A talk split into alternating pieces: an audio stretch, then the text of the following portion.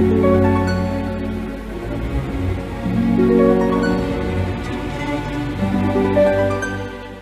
saya dengan Madam Aza. Kita bacakan sekarang kartu tarotnya untuk Aquarius. Yang pertama adalah untuk karir, bisnis, dan juga peruntungan ataupun finansial Aquarius. Kartu yang keluar adalah The Fool. Ketika kartu The Fool keluar, ini menunjukkan adanya uh, sebuah tindakan ataupun keputusan yang mengambil risiko loncat dari jurang untuk mendapatkan bintang. Ini tandanya meninggalkan zona nyaman, tanah yang sudah lama dipijak, suatu hal yang sudah pasti gitu ya.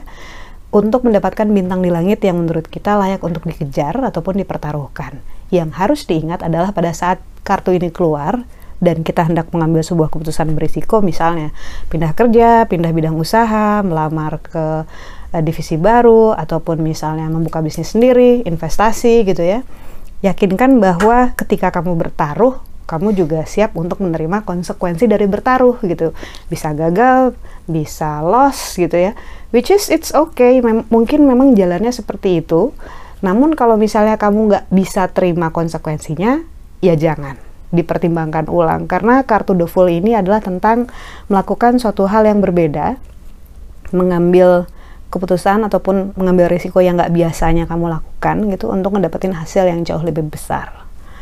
Lalu untuk percintaannya, kartu yang keluar adalah The Magician. Kartu The Magician ini menunjukkan adanya uh, seorang pesulap ya. Seorang pesulap itu bisa bikin penontonnya terkagum-kagum melihat pertunjukan tanpa si penonton sadar bahwa persiapannya udah lama banget, udah lewat trial and error gitu ya udah berdarah-darah istilahnya gitu ya. Ada kegagalan, ada kesulitan, tapi terus berusaha sehingga manifestasi dari kerja keras dan keinginan yang kuat. Karena kata-kata kuncinya adalah strong will sebenarnya dari The Magician ini, maka harapannya menjadi kenyataan. Kartu The Magician ini adalah afirmasi untuk terjadinya hal-hal baik dalam hidupmu yang berhubungan dengan percintaan. Mungkin ada yang akhirnya menemukan seseorang yang selama ini ditunggu, mungkin ada yang akhirnya sadar sama perasaannya sendiri gitu ya. Kartu The Magician intinya adalah allowing good things to happen. Kadang-kadang malah manusianya sendiri yang tidak mengizinkan hal itu untuk terjadi. Bisa jadi karena memang belum aware, belum sadar sama kondisinya dia atau sama apa yang benar-benar dia inginkan. Nah, jangan sampai hal-hal itu terjadi pada kamu uh, fokus pada hal yang kamu inginkan dan dikejar terus secara konsisten, didoakan, lalu berserah. Lalu yang terakhir adalah kartu nasihat. Kartu nasihat yang diberikan untukmu adalah kartu judgment. Kartu judgment menunjukkan segala energi panas yang berkumpul di sini ya. Ada matahari, ada gunung berapi, ada ular, ada api, ada lahar. Ketika kartu ini keluar, ini menunjukkan unsur panas yang saling beradu, bergesekan, membakar.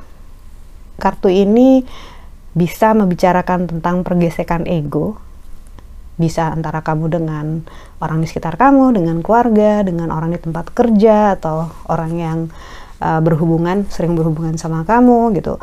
Atau bisa juga menunjukkan suasana di sekitar yang nggak sesuai dengan harapan kamu. Jadi potensi untuk konfliknya tinggi. Nah, Lewat kartu ini diingatkan bahwa kita nggak selamanya bisa in control of everything.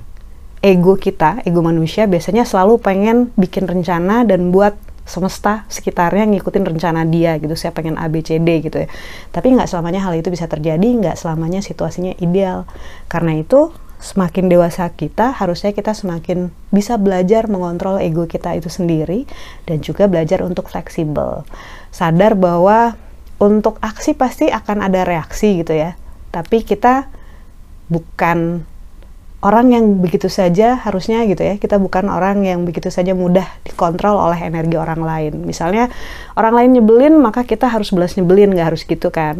Orang lain kayaknya triggering nantang kita melakukan hal-hal yang sebenarnya nggak pengen kita lakuin, kita nggak harus ngikutin undangan ataupun invitation dari dia. Energimu adalah berada di bawah kendali kamu sendiri. Sepatutnya seperti itu. Jangan mudah terpantik oleh orang lain. Biarkan mereka pergi serendah apa pun yang mereka mereka inginkan. Kalau misalnya mereka ingin seperti itu gitu, ingin terbakar oleh api judgment ini, tapi kita nggak perlu. Sekian bacaannya, semoga bermanfaat. Kita doakan yang terbaik saja untukmu. Semoga sehat selalu, panjang umur, kaya raya, bahagia, berkelimpahan segala hal yang baik dari Tuhan Yang Maha Esa. Terima kasih bantu saya dengan cara di klik like-nya, subscribe, share, dan juga komen. Thank you.